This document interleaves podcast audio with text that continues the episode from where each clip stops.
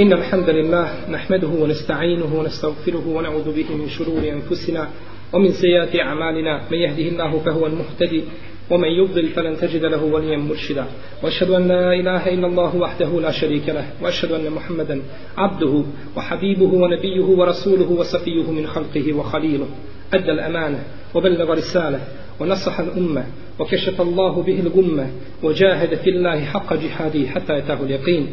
يا أيها الذين آمنوا اتقوا الله حق تقاته ولا تموتن إلا وأنتم مسلمون. يا أيها الناس اتقوا ربكم الذي خلقكم من نفس واحدة وخلق منها زوجها وبث منهما رجالا كثيرا ونساء واتقوا الله الذي تساءلون به والأرحام إن الله كان عليكم رقيبا. يا أيها الذين آمنوا اتقوا الله وقولوا قولا سديدا يصلح لكم أعمالكم ويغفر لكم ذنوبكم ومن يطع الله ورسوله فقد فاز فوزا عظيما. أما بعد فإن أحسن الكلام كلام الله وخير الهدي هدي محمد صلى الله عليه وسلم وشر الأمور محدثاتها وكل محدثة بدعة وكل بدعة ضلالة وكل ضلالة في النار. Nema dvojbe, draga moja braćo i cijenjene sestre, da svaki musliman na ovoj zemaljskoj kugli voli poslanika sallallahu alaihi wa sallam više nego sebe samog. Prenosi Ebu Jala radijallahu anhu u svome musnedu sa vjerodostojnim lancem prenosilaca da je Omer radijallahu anhu i osnova ovoga hadisa je u dva sahiha da je Omer radijallahu anhu jednoga dana kazao Allahovom vjerovjesniku o Allahu poslaniće ja te volim više od svega na svijetu osim od samog sebe. Pa mu je kazao Allahov vjerovjesnik sallallahu alaihi wasallame ne ja Omer ne o Omere nisi ti pravog imana i nećeš imati pravi iman dok ne budeš mene volio više od sebe samoga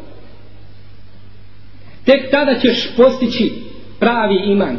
Pa je rekao Omar radijallahu anhu o Allahu poslaniče tako mi Allaha ja te volim više i od sebe samoga. Draga moja braćo muslimani današnjice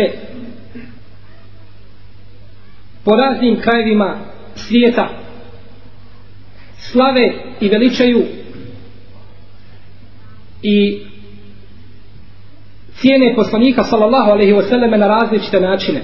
I to čine u različitim prigodama i u različitim vremenima. I nema dvojbe da je obaveza svakom muslimanu farz da se tako ponaša prema poslaniku alaihi salatu wasallam no međutim neophodno je postaviti ovdje dva pitanja koje se veže za većinu današnjih muslimana da li oni to daju poslaniku sallallahu alaihi wasallam hak i pravo koje zaslužuje? I na, na istinski način. I drugo pitanje da li su u tome svome putu odabrali šerijatski način izražavanja poštovanja i cijenjena poslanika sallallahu alaihi wasallam dva pitanja kako kaže jedan arapski primjer su alani ahlahuma murru. Dva pitanja slađe od njih je gorko. Pa kakvo je onda ono drugo?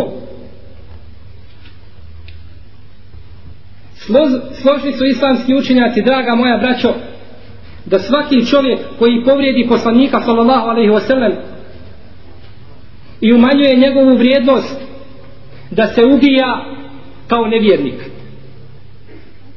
Yuktelu kufran la hadda. Ubija se kao nevjernik. Jer se na čovjeku draga moja braćo može izvršiti šarijetska presuda i kazna a da on ne bude nevjernik u tom slučaju. Kako je poslanik sallallahu alaihi wasallam izvršio na onoj ženi koja se zove El Gamidije i na ashabu koji se zove Maiz ibn Malik pa kada je kad su ubili tu ženu El Gamidije koja je priznala za blud koji je počinila radijallahu ta'ala anha kazao je poslanik لقد تابت توبة لو وزعت على سبعين من أهل المدينة لوسعتهم Kaže, pokajala se takvom teobom, kada bi se ta teoba podijelila na 70 članova Medine, 70 stanovnika Medine, kaže, bila bi im dovoljna. Tako iskrenom teobom pokajala se. U predaji koju bileže ima muslim radijallahu anhu u svome sahihu, navodi se da je Halid radijallahu anhu kada su kamenovali tu ženu koja je priznala svoj blud i svoje dijelo koje je počinila, a to je vjernička duša, to samo vjernik može učiniti, koji gori od želje da mu Allah Đelešanu oprosti i koga peču njegovi grijesi koje je počinio, ne može ih trpiti u svojim grudima, Halid je uzeo jedan veliki kamen i pogodio je tim kamenom u glavu. Pa je njena krv špricnula na Halidovo lice. Pa je Halid opsovao i prokleo. Pa je rekao poslanik sallallahu alaihi wa sallam Halidu koreći ga mehlen ja Halid polako o Halide fa والذي نفسي بيده لقد تابت توبة لو تاب بها صاحب مكس لغفر له kaže polako o Halid budi smiren. To je šarijatska presuda no međutim ta žena nije izišla iz imana iz islama. Tako mi je Allaha i tako mi je onoga u čijoj moje, ruci moja duša ona se je pokajala takvom teobom kada bi se tom teobom pokajao sahibu Meks to je onaj koji ubire poreze od ljudi i nepravdu im čini u njihovom imetku kaže bila bi mu dovoljna i bilo bi mu oprošteno zbog toga. A poslanik sallallahu alejhi ve sellem kada je naredio ashabima da bičuju toga asha, naredio svojim ashabima da bičuju Malika, odnosno da ga kamenuju Malika ibn Majza, neki su tako da ashaba grubo postupali, pa je rekao poslanik sallallahu alejhi ve selleme istagfiru li Majz ibn Malik. Lekad tabe teubeten la wuzi'at ala ummetin la wasi'at oprostite, tražite oprosta znači svome bratu Majzu. On se je pokajao takvom teobom da se ta teoba podijeli među jednim narodom među stanovnicima jednog mjesta i tako dalje bila bi im dovoljna. Takvom se teobom jeli, pokajao. Bileži ima muslim u svome sahihu. Znači draga moja braćo čovjek, na čovjekom se može izvršiti šarijatska presuda a da ne bude nevjernik. A može se izvršiti pa da ga to dijelo i odnosno ta presuda bude izvršena zbog nevjerstva koje je počinio bio je jedan ashab koji se zvao Abdullah u vreme poslanika sa osanem, a navode istoričari da je otprilike oko 300 ashaba da su se zvali tim imenom. Abdullah. No međutim ovaj Abdullah, ovaj ashab se odlikovao svojim nadimkom. Bilo mu je nadimak Himar, bio mu je nadimak Magarac. Tako su ga zvali svi ashabi. I volio je da imao je običaj da razveseli poslanika. Mogao je nasmijati poslanika sa osanem kad to nije mogao niko drugi od ashaba. Pa ga je poslanik sa osanem volio. No međutim, šta je činio? A ovo je predaj zabilježio ima Buhari u svome sahihu. Šta je činio? Neprestano je pio alkohol. Nije, nije se prolazio toga. Pa je jedan put bićevan, pa drugi put, pa treći put, pa četvrti put kad je to učinjeno. Naravno, hadis koji govori o onome ko četvrti put popije alkohol da se ubije, on je Allah najbolje zna dokinut. Postupcima poslanika sallallahu alaihi wa sallam. Kad je četvrti put došao, navodi se u jednoj predaji da ga je Omer prokleo. Kaže, koliko smo ga samo puta bićevali, opet se ne prolazi toga što čini. Pa je kazao poslanik, la tel anu, fe wallahi ma alimtu illa ennehu yuhibbu Allahe wa rasul. Nemojte ga, kaže, proklijeti, tako mi Allaha on voli, Allaha želešava i poslanika. U istinu kaže, ne znam o njemu ništa nego da voli Allaha i poslanika. Znači čovjek može učiniti prestup, ali da ga taj prestup ne izvede iz vjere. No međutim, draga moja braćo, onaj ko opsuje poslanika sallallahu alaihi sallam ili vrijeđa poslanika ili govori o poslaniku ružno ono što je doliči Allahom vjerovjesniku takav izlazi iz dina izlazi iz vjere. I nažalost koliko je danas pripadnika ummeta koji svoju vjeru dovodi u pitanje zbog takvih stvari? Pa pripisuje poslaniku sallallahu sallam ono što se ne bi pripisalo možda i najgorim današnjim stvorenjima. Svaki čovjek koji draga moja braćo koji opsuje Allaha Đalešanuhu ili opsuje poslanika sallallahu alaihi wa sallame. Ili opsuje bilo šta od vjere što je poznato da je od vjere takav izlazi iz vjere i prekida biti musliman istog momenta. Dužo mu je da se okupa ponovo i da izgovori šehadit i nek zna da su njegova djela sva poništena. Jer kufur poništava sva djela koja je počinio. I nimamo se ne ustručavamo niti se dvojimo da takvog protekfirimo. Jer ne može se psovati Allah Želešanu ništa od vjere. Čak čovjek kad bi bio ljud, pa opsova Allah Đelšanu toga izvodi iz vjere. Jer ne može se Allah Đelšanu psovati. Nema tog razloga i opravdanja zbog koga se može psovati Allah Đelšanu ili poslanik za sad. Jer čovjek kada se naljuti, zbog čega ne opsuje svoga oca i svoju majku? I svoje dijete? Ne, nego opsuje Allaha Đelšanu. Zbog čega? To je dokaz da u njegovom srcu nema nimalo imana. Zbog toga jako opasna stvar jeste povrijediti Allaha Đelešanu poslanika sa osanem ili bilo šta od vjere. Jer je to din, a sa dinom se ne može ismijavati i ne može se din, din psovati i vrijeđati. Draga moja braćo, bilježi imam Ennestaju u svome velikom sunenu i u El Mučteba i također imam Bejhaki u sunenu Kubra sa vjerodostojnim lancem prenosilaca da je u vrijeme poslanika sallallahu alaihi wasallam bio jedan čovjek slijepac, ashab slijepac i imao je jednu ženu koja je često napadala poslanika sallallahu alejhi ve selleme, naravno u njegovom odsustvu pred svojim mužem i govorila o poslaniku alejhi salatu wasallam ružno. Pa je jedne večeri taj slepac uzeo nož i ubio je. Potom je ta žena donesena Allahovom poslaniku sallallahu alejhi ve sellem mrtva a ne zna se ko je ubio. Pa je okupio ashabe i obratio im se. Kaže, preklinjem Allahom Đelešanu onoga kod koga ja imam svoj hak i svoje pravo. Da prizna ko je ubio ovu ženu. Kaže, ravija hadisa, فقام العامى من بين الصفوف يتدلدل kaže pa je ustao taj slijepac između safova prilazeći i govoreći kaže ja sam je ubio أنا قتلتها يا رسول الله وهي زوجتي وكانت بي بارة Kaže, ja sam je ubio Allahu poslaniče. Ona je moja žena. A kaže, bila mi je dobročiniteljka. Meni je dobročinstvo činila. Volije minha voledan ke luklujetejni. A kaže, od nje imam dva sina kao dva bisera. Od te žene. No međutim, kaže, psovala te o Allahu poslaniče i o tebi ružno govorila, ja sam joj to branio pa se nije prošlo toga.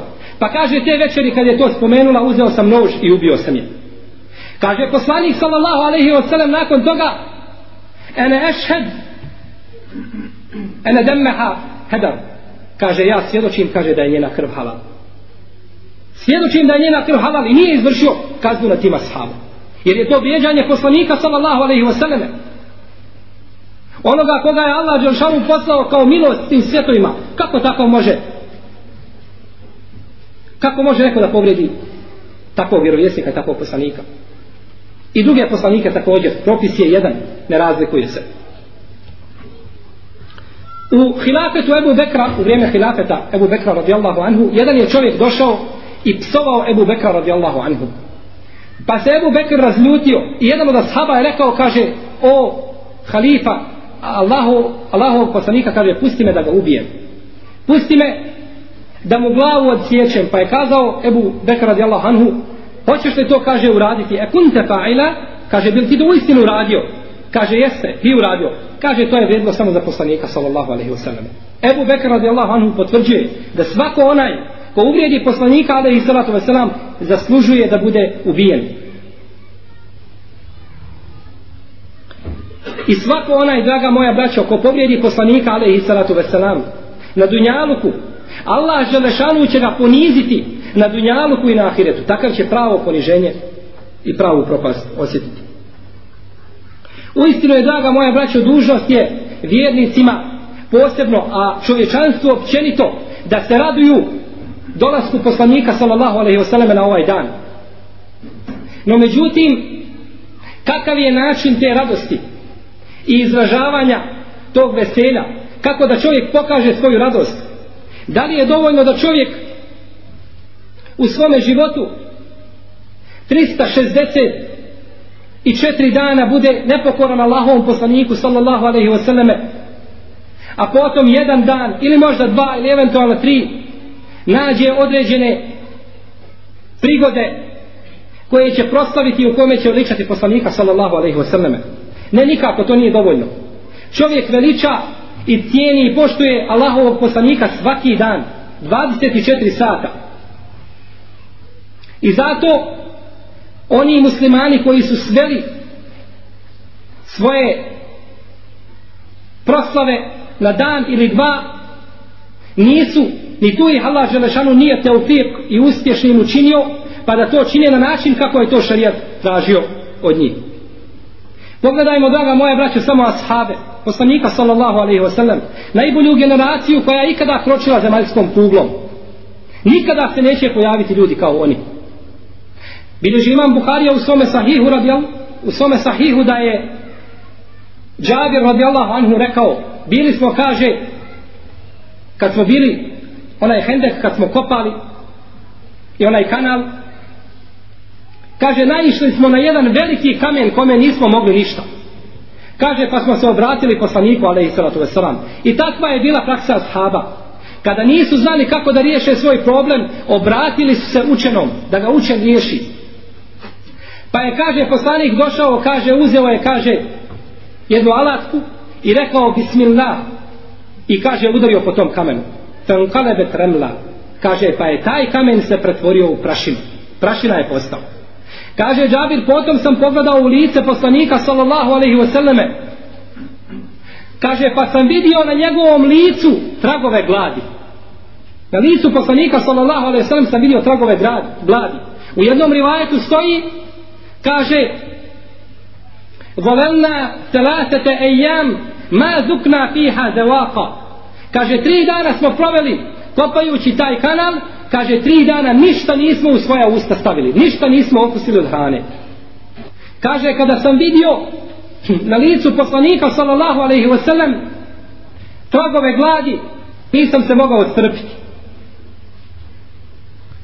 Džabir radijallahu anhu, kao i poslanik, sallallahu alaihi ve selleme nije tri dana ništa okusio. No međutim, on nije brinuo o sebi sam, nego kada je vidio tragove gladi na licu poslanika, alaihi salatu veselam, to ga je zabrinulo. I to ga je dovelo u jedno stanje, kaže, nisam se mogao više strpiti. Kaže, pa sam tražio od poslanika dozvolu da idem kući. Kaže, došao sam svojoj ženi i upitao je šta ima od hrane. Kaže, vidio sam nešto, kaže, prema tome nema sabra i nema strpljenja. Vidio sam glad na licu poslanika, sallallahu alaihi wasallam. Pa kaže, ja imam kod sebe samo jedno malo jagnje, imam nešto pa raži, mogu da zamijesim jedan mali kruh. Pa je kazao, učini tako, a ja ću pozvati poslanika. Kaže mu, nemoj me sramotiti pred poslanikom, sallallahu alaihi wasallam, to nije dovoljno nijednoj osobi. Čovjek koji nije jeo tri dana, šta može da pojede? Nemoj me sramotiti pred Allahovim vjerovjesnikom. Kaže, ne mogu se strpiti, moram ga dovesti. Kaže, ako ćeš ga dovesti, dovedi sa njim jednog ili dvojica shaba. Pa je ošao i rekao poslaniku. Pa je rekao, Džabir radijallahu anhu, dođi ti o Allahov poslaniće sa još jednim ashabom. Da vas ugostim, da jedete. Kada je to čuo Allahov poslanik, sallallahu alaihi wa sallam, kazao je iz sve glasa, o pripadnici ili o učesnici Hendeka zove vas Džabir radijallahu anhu na ručak sviju. Kaže Džabir kada sam kaže to čuo snašlo me od stida ono što zna samo Allah Đelešanu. Toliko sam se zastidio. Čime sada dočekati ljude? I kako odgovoriti svojoj ženi? Pa je došao jer žena će naravno tražiti i pitati zbog čega je to učinio. Pa je došao sa poslanikom sa sallam i svima sahabima. Kada je to vidjela njegova žena, kaže, Allahov robe šta učini. Kaže, tako mi Allah rekao sam ono što si kazala. No međutim, poslanik sallallahu alaihi sallam je tražio ovako. Pa je kaže, zatražio gdje je to jagnje malo. Pa je kaže, pljunuo na to jagnje, a pljuvačka poslanika sallallahu alaihi sallam je blagoslovljena bereket. Samo njegova pljuvačka. I kaže, pljunuo je u to tijesto. Kaže, pa smo donijeli njima hranu i kaže, jeli su, kaže, svi što ih je bilo. Jeli su, kaže, svi, a bilo ih je, kaže, preko hiljadu. Svi su jeli od te hrane i kaže, džabir, tako mi Allaha, otišli su, a ostavili su hranu onako kako je bila kad su došli. Mođiza poslanika, sallallahu alaihi wa sallam. Vidimo, draga braću, u ovim primjerima, kako se ashab ponaša prema poslaniku. Koga više voli? Je on to razmišlja o sebi ili razmišlja o poslaniku, ali i sallatu wasalam, kada je vidio glad na njegovom licu. A nakon toga, nakon što je poslanik udario onu, onaj kamen veliki, vidio je Džabir da je za poslanikovim a, opasačem da ima kamen koga je stavljao od gladi. Jer je poslanik, draga moja braća, često znao biti gladan. Znao bi po noći izići napolje i nađe Ebu Beka i Omara da sjede. Kaže, šta vas je to istiralo? Kažu glad. Pa kaže, ta, kaže tako mi Allaha, mene nije ništa istralo nego to što vas je istralo. Glad. Izišu smo. I bileži imam Bukharija u svome sahihu u jednom hadisu u kome se spominje primjeri na Hudejbiji da je Urva ibn Mas'ud došao poslaniku sallallahu alaihi wasallam i kazao O, kaže Muhammede, ti kaže ako pobjediš svoj narod u borbi i ako ti njima budeš predvodnik i poglavar, pa kaže ti si prvi koji je učinio to od svog naroda. Pa će ukazati Uro ibn Mesaud da je to ružan postupak. A kaže ako dođemo na bojno polje da se borimo, kaže pa bojim se, kaže da su oko tebe ljudi. Kaže koji će se razbježati i tebe samog ostaviti. Kada je to čuo Ebu Bekr, kaže mu Umsus Balduran kaže idi kaže i liži svoga kipa. Kaže zar da mi ostavimo poslanika sallallahu alaihi wasallam na samo i da pobjegnemo od njega? To je nemoguće. A Urva ibn Mas'ud kada je razgovarao sa poslanikom sallallahu alaihi wasallam uvijek bi dodirivao njegovu bradu. I to je bio običaj Arapa u predislamsko vrijeme. Da jedni drugima dodiruju bradu kada razgovaraju. Jer Pa, Arapi u predislamsko vrijeme su imali bradu pa je došao naš šerijet i odobrio taj sunnet čak što više je naredio da se to prakticira. No međutim, kada bi god pružio svoju ruku da dotakne bradu poslanika sallallahu alaihi sallame, jedan dječak tu momak je stojao i udario bi ga sabljom ovaj, po njegovoj ruci. Pa, I kaže mu, ahir jedek, kaže, povuci svoju ruku, ne dodirivaj poslanika sallallahu alaihi sallame. Pa je upitao, kaže, ko je to, ko je taj momak? Kaže, to je tvoj bratić, El Mugire ibn Šu'be.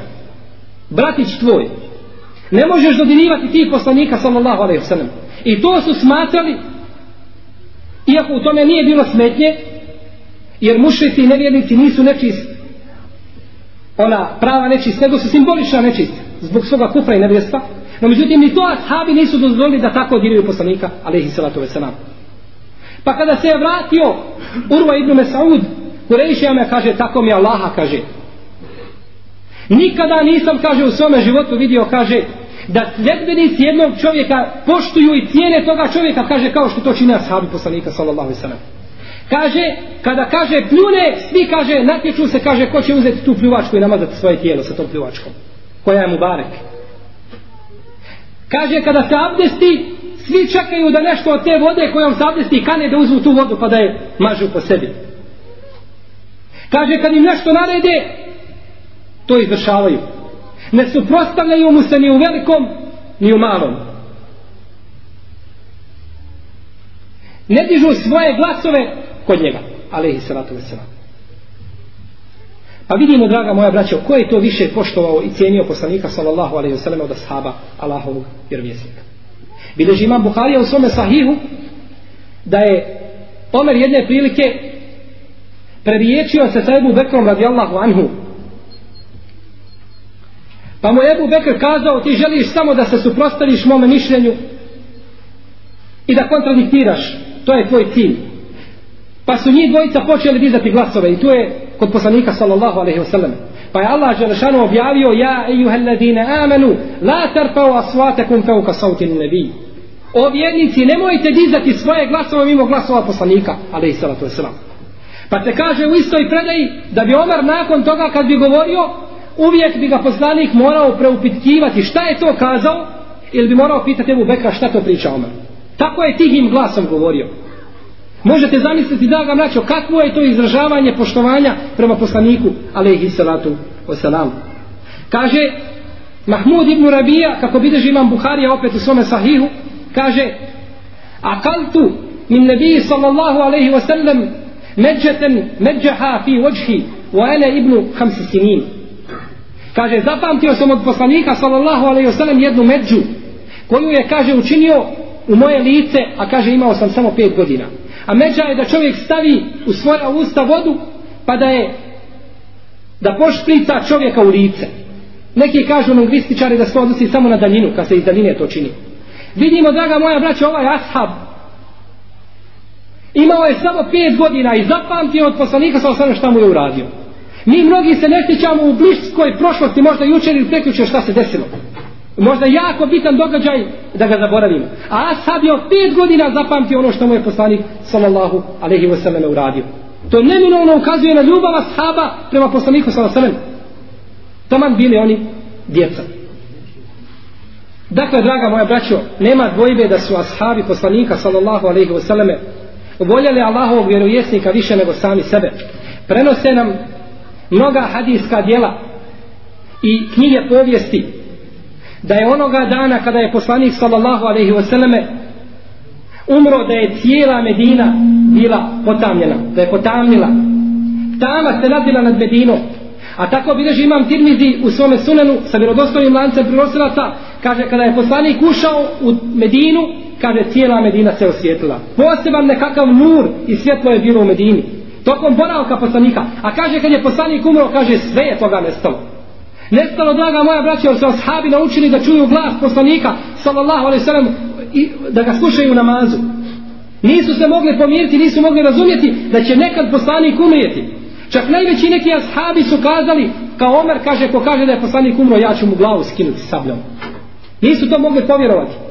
Bilal radijallahu anhu kaže se da nikada nikome nakon poslanika nije više zana mogo proučiti. Jer je on bio muezin Allahovog poslanika, alaihi salatu wasalam. Kaže Fatima radijallahu ta'ala anha Enesu, o Enese kaže, zar ste sebi mogli dozvoliti Zar ste mogli takvi biti pa da zemlju na tijelo Allahovog poslanika alaihi salatu wasalam stavite? I bileži imam muslim u svome sahihu od Amra ibn Lasa da je kazao kaže ja sam prošao kroz tri faze u svome životu. Prvo sam kaže bio u fazi da sam mrzio Allahovog poslanika. I nije kaže bilo čovjeka na Dunjaluku da sam ga više mrzio od Allahov vjerovjesnika. I želio sam silno da ga ubijem. To mi je bio glavni cilj. I osnovna zadaća u ovom životu. Samo da ubijem poslanika. Kaže pa kada sam kaže primio islam došao sam poslaniku sallallahu alejhi ve sellem i kao je stavio sam svoju ruku da učinim prisegu Allahom vjerovjesniku. Kaže pa je poslanik sallallahu alejhi ve sellem pružio svoju ruku. Pa sam ja onda povukao svoju ruku i kazao Allahov poslanice ja uvjetujem nešto. Kaže, a koji je tvoj uvjet? Kaže, moj uvjet je da mi Allah Želešanu oprosti. Jer kako svesti Allaha Želešanu, a ti želio ubiti poslanika? Da mi Allah Želešanu oprosti. Pa kaže, o Amr, zar ne znaš i zar nisi čuo da Islam briše ono što je prije Islama i da Hidžra briše ono što je prije Hidže i da Hadž briše ono što je prije Hadža. Znači, oprošteno ti je. Kaže, Amr radijallahu ta'ala anhu, tako mi Allaha gledao sam u lice poslanika sallallahu alaihi wasallame I nisam se, kaže, mogao nagledati tog lica. Tako mi Allaha kaže da sam umro u tom momentu. Kaže, očekivao bi od Allaha Želešanu da me uvede u džennet i da budemo stanovnika dženneta. Kaže, svoje oči nisam mogao napuniti gledajući u lice Allahovog vjerovjesnika, alaihi salatu veselam. Potom su, kaže, Abdullah ibn Amr nastupila teška vremena, pa smo dobili razne odgovorne funkcije i činila se djela za koja ne znamo kako će uzvišeni Allah Đelešanu svoje robove obračunavati. Draga moja braćo, poslanik sallallahu alaihi wasallam je bio među svojima sahabima kao jedan od njih. Nikada se nije razlikovao i nikada se nije nečim posebnim odlikovao. Bio, kada bi ušao neko od pustinjaka, pitao bi onako po svojoj prirodnoj grubosti gdje je Muhammed, ko je Muhammed, pa bi kazali, nikada nije mogao, niti je sjedio na nekom posebnom mjestu, niti je nosio posebnu odjeću, tako da ga niko nije mogao raspoznati, nego bi samo pitao ko je Muhammed i ko je taj koji tvrdi za sebe da je poslanik, ili ko je Allahov vjerovjesnik. Pa bi pokazali na Allahov poslanika, kaže, to je naš vjerovjesnik. Uvijek se je dogovora, čak Mimber sa koga je držao hutbe, nije bio od njega samog.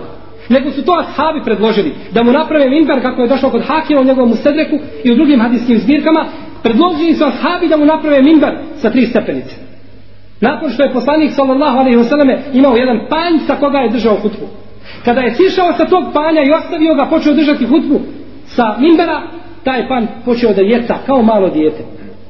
Hadis bilježi vam Buharija u svome sahihu. Kao dijete malo pan jeca i kaže ta, pa je poslanik prišao i privio ga na svoje grudi kaže tako mi Allah da ga nisam privio na svoje grudi kaže ostao bi do sudnjeg dana da jeca. Svi bi ga čuli. Kamo sreće da ga je Allahov poslanik ali i salatu veselam ostavio da ga čujemo. To bi bez dvojbe bio nama dokaz i ajet za one koji su razumom obdareni. Kaže Hasan el Basri radijallahu anhu govoreći o ome hadisu kaže pa sine Ademov muslimanu ti si preči da plačeš i ti si preči da žališ za poslanikom sallallahu alaihi sallam od tog panja koji nije bio obavezan šerijetskim propisima. Niti je bio zadužen da voli poslanika. Onako kako si ti zadužen pa ti si preči. Sve da je živo alaihi salatu veselam, voljelo. Bileži imam Ibu Davud u svome sunenu radijallahu anhu da je jedne prilike poslanik sallallahu alaihi sallam, prolazio pored jednog vrta a u tom vrtu je bila deva jedna. Pa deva ta kad je vidjela poslanika počela je plakati. Deva plače kad gleda u poslanika sallallahu alaihi wa sallame. Pa kaže poslanik alaihi sallatu wa sallam ko je ovoj devi da činio zlo i ko je zlo i ko je nepravdu čini. Ko je udaro? Pa je priznao njen vlasnik da je on to učinio. Pa kaže ona mi se žali da joj nepravdu činiš. Pa je taj ashab oslobodio i pustio tu devu da ide. Pustio na slobodu. Takvi su, draga moja braćo, bila ashabi poslanika sallallahu alaihi wa sallam prema Allahovom vjerovjesniku. Nikada se nije bila, nikada se nije pojavila generacija ljudi na Dunjaluku da su voljeli i poštovali svoga vođu i svoga poglavara i svoga imama kao što su to činili ashabi Allahov vjerovjesnika. Pa zar nije obaveza svim muslimanima da se ugledaju na ono što su činili ashabi i kako su činili, kako su poštovali i cijenili poslanika i da na isti takav način to čine i praktikuju, ne uvodeći ništa, niti oduzimajući nešto od toga, nego da se drže te upute, koja je sigurno najpotpunija, koju je Allah Žešanu na više mjesta u Kur'anu pohvalio. I poslanik sallallahu alaihi wa sallame u svojim hadisima. Kaže u jednom hadisu, i da zukira ashabi fe emsiku, bilježi taberani sa dobrim lancem prenosvata. Kada se spomenu moji ashabi, držite svoj jezik za zubima. La te subu ashabi, fe ulledi nefsi bijedi, la ulle ahadakum, entaka misle, جبل uhudin ذهبا ma بلغ مد ahadihi wala نصيبه Nemojte psovati moje ashabe, nemojte ih psovati, zabrana. Haram je psovati bilo koga sahaba. Imam Malik kaže ko psuje mu Bekra i smatra ga nevjernikom kaže taj je izišao iz vjere. Nemojte kaže to činiti. Tako mi Allaha kaže da neko od vas kaže uloži na Allahovom putu kao brdo Uhud Kao ta serija brda zlata na Allahovom putu. A dodaje imam El Ismaili u svome El Mustahređu sa dobrim lancem prenosilaca لو أن أحدكم أنفق مثل džebeli uhudin zeba kulle jeumin. Kad bi od vas neko svakog dana, svakog dana, na jednom životu, na Allahovom putu izdvajao kao što je brdo uhud zlata, ne bi mogao dostići ni dio onoga što je izvojio neki ashab, niti pregršt jednu koju on izvojio na Allahovom, na Allahovom želešanu putu. Zato, draga moja braćo, da bi čovjek iskazao svoju ljubav i svoje poštovanje prema poslaniku sallallahu alaihi ve neophodno je da tu zauzme šerijatski put i šerijatski način jer ne vrijedi braćo čovjeku da leže u svoju postelju na ne, a on u nepokornosti i ustaje on u nepokornosti dan njegov kao noć noć kao dan danas kao juče sutra kao danas i ta ne mijenja ništa u svome životu i onda pokušava da u jednom ili dva ili tri dana da sve to nadomjesti to ne ide baš kao dobročinstvo roditeljima cijelog života čovjek nepokoran svome roditelju. Najveći mu neprijatelj na Dunjaluku. On ga rodio da mu bude sreća i radost na ove Dunjaluku. Pa onda poželi zbog čega ga je dobio. I kada dođe dan dženaze, onda svome babi opremi, opremi najskuplju dženazu. I najskuplja mu ćefine kupi. Nikakvi ti ćefini vrijednosti nemaju kod Allaha Đelešanu.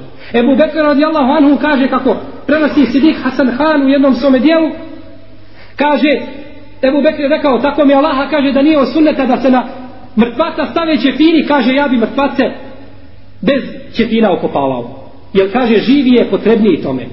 Živi je čovjek potreban da mu dobročinstvo pokažeš. A ponaročito roditelj. Nema nakon toga koristi. Tako je poslanik sallallahu alaihi wa sallam. Tijelom svoga života čovjek treba iskazivati poštovanje. A ne treba činiti ono što nije došlo od poslanika sallallahu alaihi wa sallam i od njegovih, i od njegovih ashaba. Jer draga moja braća, svako djelo koje uvede se u vjeru ima svoje negativne posljedice. Ovdje bi spomenuo jedno jako bitno fiksko pravilo koje može riješiti nama naše mnoge probleme i nedvoumice u kojima se nalazimo. Fiksko pravilo čije temele udario šejhul Islam ibn Tejnije i drugi učinjaci. U tom pravilu se kaže svako dijelo koje poslanik sallallahu alejhi ve selleme nije za svoga života činio a imao je mogućnost i bile su okolnosti da se to učini nije dozvoljeno nama da činimo to djelo a s druge strane svako djelo koje je poslanik sa osanem nije činio ali nije bilo mogućnosti niti potrebe da to čini dozvoljeno nije da to činimo da navedemo primjer pa da ga lakše razumijemo. Kažemo braćo pravilo je jako bitno. Prvo primjer poreza poslanik sallallahu alejhi ve sellem u svoje vrijeme kada je živio da li je bilo potrebe i da li je bilo mogućnosti da poslanik uvede poreze? Jeste i tako islamska država je bila siromašna i bila joj je potrebna pomoć. Pa su ashabi izlazili od sebe i davali sadaku pa bi jedan odpremio vojsku cijelu jedan bi na svome svoj cijeli imetak dao na lahom putu. Ali nije poslanik nikoga ovaj obavezao sa posebnim nekakvim ovaj a, porezima da to izdvaja nego je dao oko koliko je može e zato kažemo nama nije dozvoljeno danas da uvedemo poreze Naročito kad ljudi ostave zekijat, ono što je Allah Žešanu propisao, a uvedu poreze, pa im Allah Žešanu nije dao bereketa u tome. I to vidimo jasno što se dešava po islamskom svijetu. Jer čovjek kad daje, braćo, čovjek kad daje porez, on tam gleda da to izbjegne, zna da je to zulm i da je to nepravda.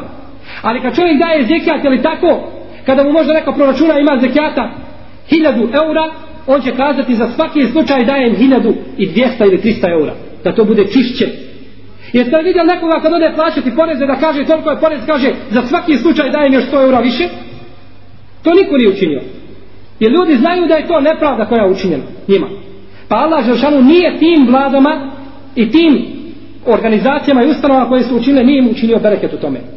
Pa su onda propali. Izgubili ono što im je Allah Žešanu propisao i time Allahu sržbu protiv sebe izazvao. Mi smo naveli prethodni hadis koga bilježi ima muslim u kome je poslanik rekao za onu ženu Lekad dabe teubeten leu tabe biha sahibu meksin na kefet. Na kefetu ili na gufire lehu. Kaže, kada bi kaže ona se je pokajala te obom, koju da je učinio onaj koji ubire porez. Onaj koji ubire porez, kaže, bila bi mu dovoljna i bila bi mu oprošteno.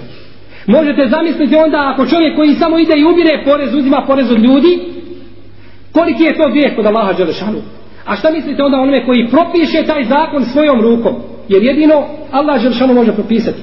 In je hukmu inna lillah Sud samo Allahu, Allah je taj koji propisiva. Nema niko pravo svojom rukom da nešto propiše i da uvede ono što Allah ono što nije uveo i propisao. Naročito ako to vodi u zapostavljanje šerijatskih propisa kao što je zekijat u ovome slučaju.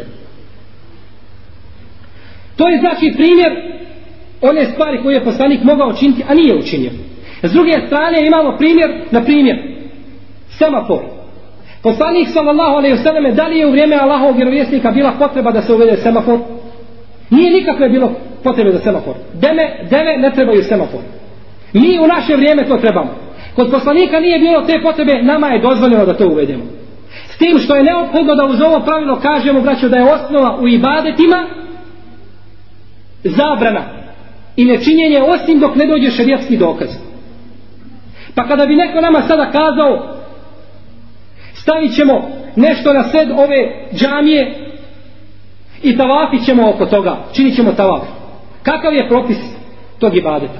Ili kaže neko, klanjat ćemo na koljenima, čučeći svoje ruke, ćemo vezati na leđa i slično tome. Kažemo, taj ibadet je haram i zabranjen. Jer ibadet samo može Allah Želešanu propisati. Jer se njemu čini i on ga jedini može propisati. Bilo koja nova vrsta ibadeta je samo zlo za umet. Zabrana i nečinjenje osim dok ne dođe šerijetski dokaz.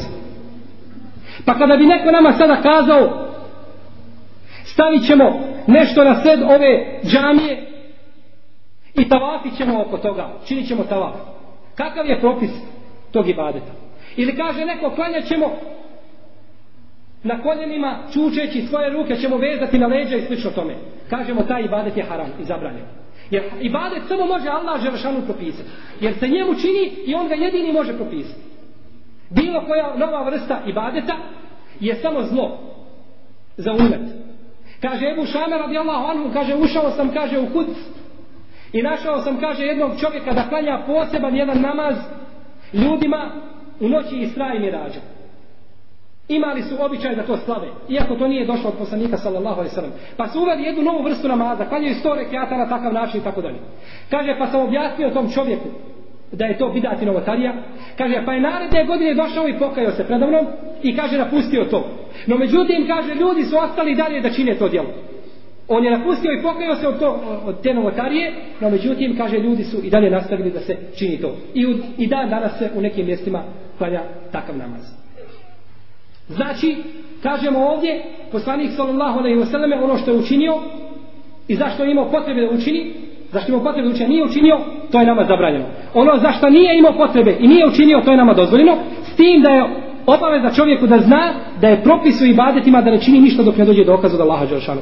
Za razliku od drugih dunjalučkih stvari, jelo, piće, e, muamelati, ta kupo prodaja i zajmljivanje poslovnih prostora, to je sve halal dok ne dođe šerijatski dokaz koji to brani. I na takav način može čovjek riješiti sebi, može sebi riješiti znači mnoge ovaj nejasnoće koje se pojavljuju. Draga moja braćo, kako poslanik, poslanik sa sanom ukazuje u jednom hadisu, kako da cijenimo Allahov vjerovjesnika, kako da pazimo na njegov hak. Pa kaže, kada je pitano ponedeljku, kaže, to je dan u kome sam se rodio. Kada je pitano postu u ponedjeljku, kaže, to je dan u kome sam se rodio. Evo na ovakav se način najbolje može proslaviti rođendan poslanika za osanem. Taj dan ponedjeljak kad dođe da postiš. I to je šerijatski način slavljenja rođendana ako možemo prihvatiti taj termin ako se može tako izraziti. Na takav način. Jer to nas je poslanik uputio na to. Nije nas uputio na nešto drugo, na nešto drugo mimo toga. I držanje, braćo moja, za sunnet poslanika sallallahu alaihi sallam i za uputa ashaba u tome je svaki hajr i u tome je svako dobro. A odstupanje od te upute i od tog puta vodi muslimane bezdvojbeno u propast. I ne, i ne garantuje im niko ni ovo dunjalučku, ni ono svjetsku nagradu, niti prosperitet, niti uspjeh. Sve što, jedino što može muslimane izvući iz stanja u kome se nalaze, jeste da se vrate sunnetu poslanika, ali ih salatu wasalam, koji je, alhamdulillah, poznat, do nas vjerodostojnim putovima prenesen, pojašnjen, Ulema je radila na tome da sačuva nama ove izvore. I zbog čega onda muslimani da se okreću? Znajte, braćo, da židovi kažu, kažu tako nam Allaha, kako bileži imam Buhari u svome sahihu u poglavlju, ili ja samu bil kitabi o sunne, u poglavlju držanja za kitab i sunne. Vidite gdje je imam Buharija stavio ovaj hadis. To je od njegovog fikha. Kaže da su židovi rekli Omeru, kaže, Omere kaže, da imamo jedan ajet koji vi imate, kaže, taj bi dan Bajramom uzeli. Taj bi se dan radovali. Kaže, a to je ajet, el jeume etmemtu lekum dinekum o etmemtu alejkum ni'meti o raditu lekum l'islame dina to je, to je ajet u kome Allah Žešanu kaže da je nama našu vjeru potpunio i svoju blagodat prema nama usavršio. I Allah je zadovoljan ovom vjerom. Kaže uzeli bi je kaže svojim bajramom. Samo zbog tog jednog jedinog ajeta. Pa kaže Omer ja znam gdje je taj ajet spušten. Kaže spušten je na oprosnom hađu poslanika sallallahu alaihi wa sallam. Zbog jednog ajeta. Kaže drugi židov, poslaniku sallallahu alaihi wa sallam, ima li išta to da je vaš poslanik ostavio da vas nije poučio? Sve mu vas je poučio. Ne kaže Allahov poslanik, kaže Muhammed. Taj Muhammed vas je svemu poučio. Kaže jeste čak i kako da se očistimo nakon prirodne potrebe. Sve nam je došlo, draga moja braćo. Nema čovjek potrebe da uvede niti da izbaci. Samo treba da se drži onoga što je do nas dospjelo i bit će, ako Bog da, inša Allahu Teala, na uputi i na pravom putu. Draga moja braćo, o ovoj temi se može još puno govoriti. Brojni su hadisi koji ukazuju No međutim, mi ćemo se zadovoljiti onim što smo spomenuli. Moleći Allaha Đelešanu da nas učvrsti u praktikovanju sunnita poslanika sallallahu alaihi sallam, da ujedini muslimane, da uništi njihove neprijatelje i da nam najbolje muči naša zadnja djela i da nas stoji u dženetu sa poslanikom alaihi sallatu wasalam i šehidima i dobrim, a divni svoj društvo. wa sallallahu ala nabina Muhammedin wa ala alihi wa sahabi ajma'in wa jazakumullahu